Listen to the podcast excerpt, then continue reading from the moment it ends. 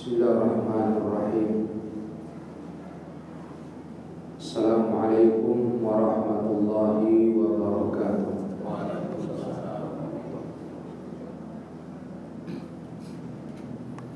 الحمد لله الحمد لله الذي هدانا لهذا وما كنا لنهتدي لولا أن هدانا الله. أشهد أن لا إله إلا الله وحده لا شريك له وأشهد أن محمدا عبده ورسوله. يقول الله تعالى في كتابه الكريم يا أيها الذين آمنوا اتقوا الله حق تقاته ولا تموتن tamutunna illa wa antum muslimun. Wa qala Rasulullah sallallahu alaihi wasallam fa in asdaqal hadits kitabullah wa khairal huda huda Muhammadin sallallahu alaihi wasallam wa syarrul umuri muhdatsatuha فإن كل محدثة بدعة وكل بدعة ضلالة وكل ضلالة في النار أما بعد Ma'asyiral muslimin rahimakumullah Para jemaah Yang dirahmati Allah subhanahu wa ta'ala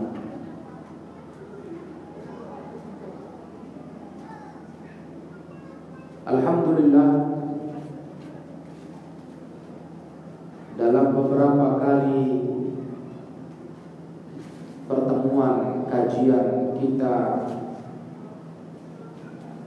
membahas keterasingan sunnah Nabi Shallallahu Alaihi Wasallam.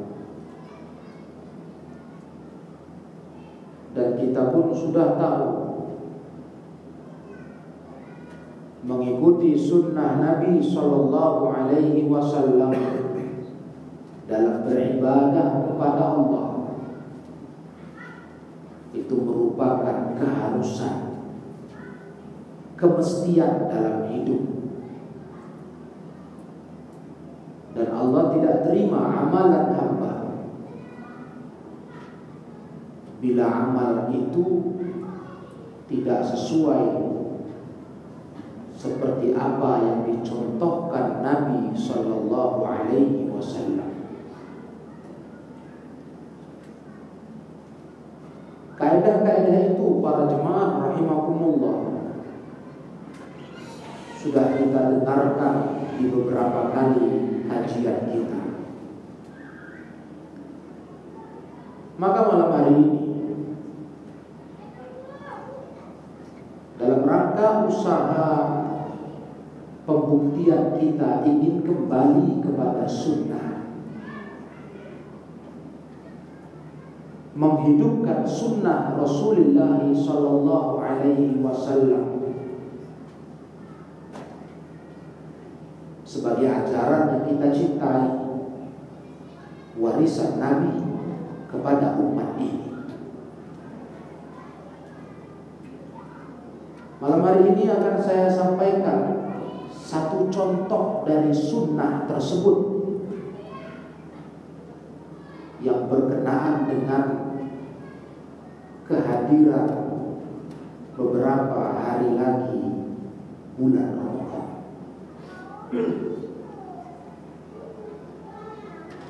Yang mana ibadah bulan Ramadan adalah ibadah yang telah sempurna ajarannya. Nabi meninggalkan kita dengan menuntaskan tugas risalah menyampaikan ajaran agama sesempurna-sempurnanya. Salah satunya adalah ibadah Ramadan.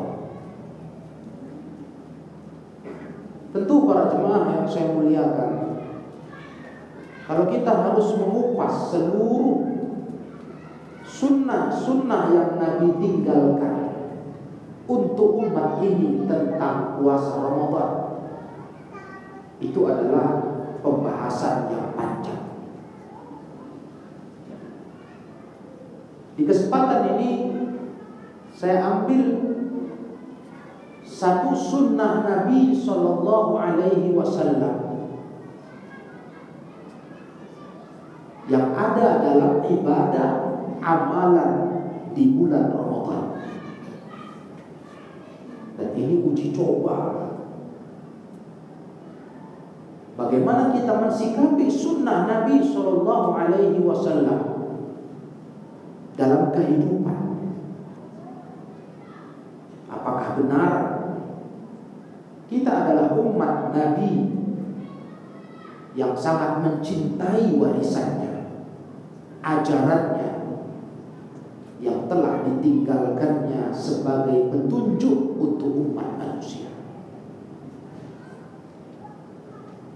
Amalan yang dimaksud ma'asyiral muslimin rahimahumullah adalah amalan yang dengannya lah kita memulai puasa Ramadan kita. Dengan diawali amalan ini, seorang muslim mulai berpuasa di bulan Ramadan. Dan amalan tersebut yang menjadi sunnah Rasulullah Sallallahu Alaihi Wasallam bukan hanya diamalkan beliau, bukan hanya dikerjakan beliau, tetapi amalan ini diperintahkan oleh beliau sallallahu alaihi wasallam. Amalan itu adalah as-sahur. Bersahur sebelum kita melaksanakan puasa Mungkin para jemaah yang saya muliakan Kalimat sahur Adalah kalimat yang biasa saja. Satu hal yang mungkin Tidak pernah lepas dalam amalan kita di bulan Ramadan. Tapi tahukah para jemaah yang saya muliakan Ternyata tidak sedikit kaum muslimin dengan dalih susah bangun di waktu sahur. Atau sudah merasa cukup persediaan untuk puasa besok hari. Tahan. Tidak sahur. Mereka pun meninggalkan sahur. Ini yang pertama.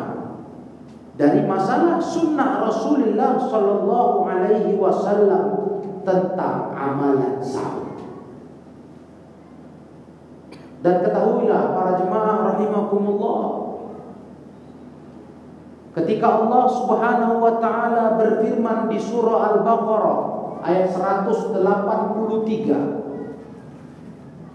Allah berkata ya ayyuhalladzina amanu kutiba alaikumus siyamu kama kutiba alal min qablikum la'allakum tattaqun.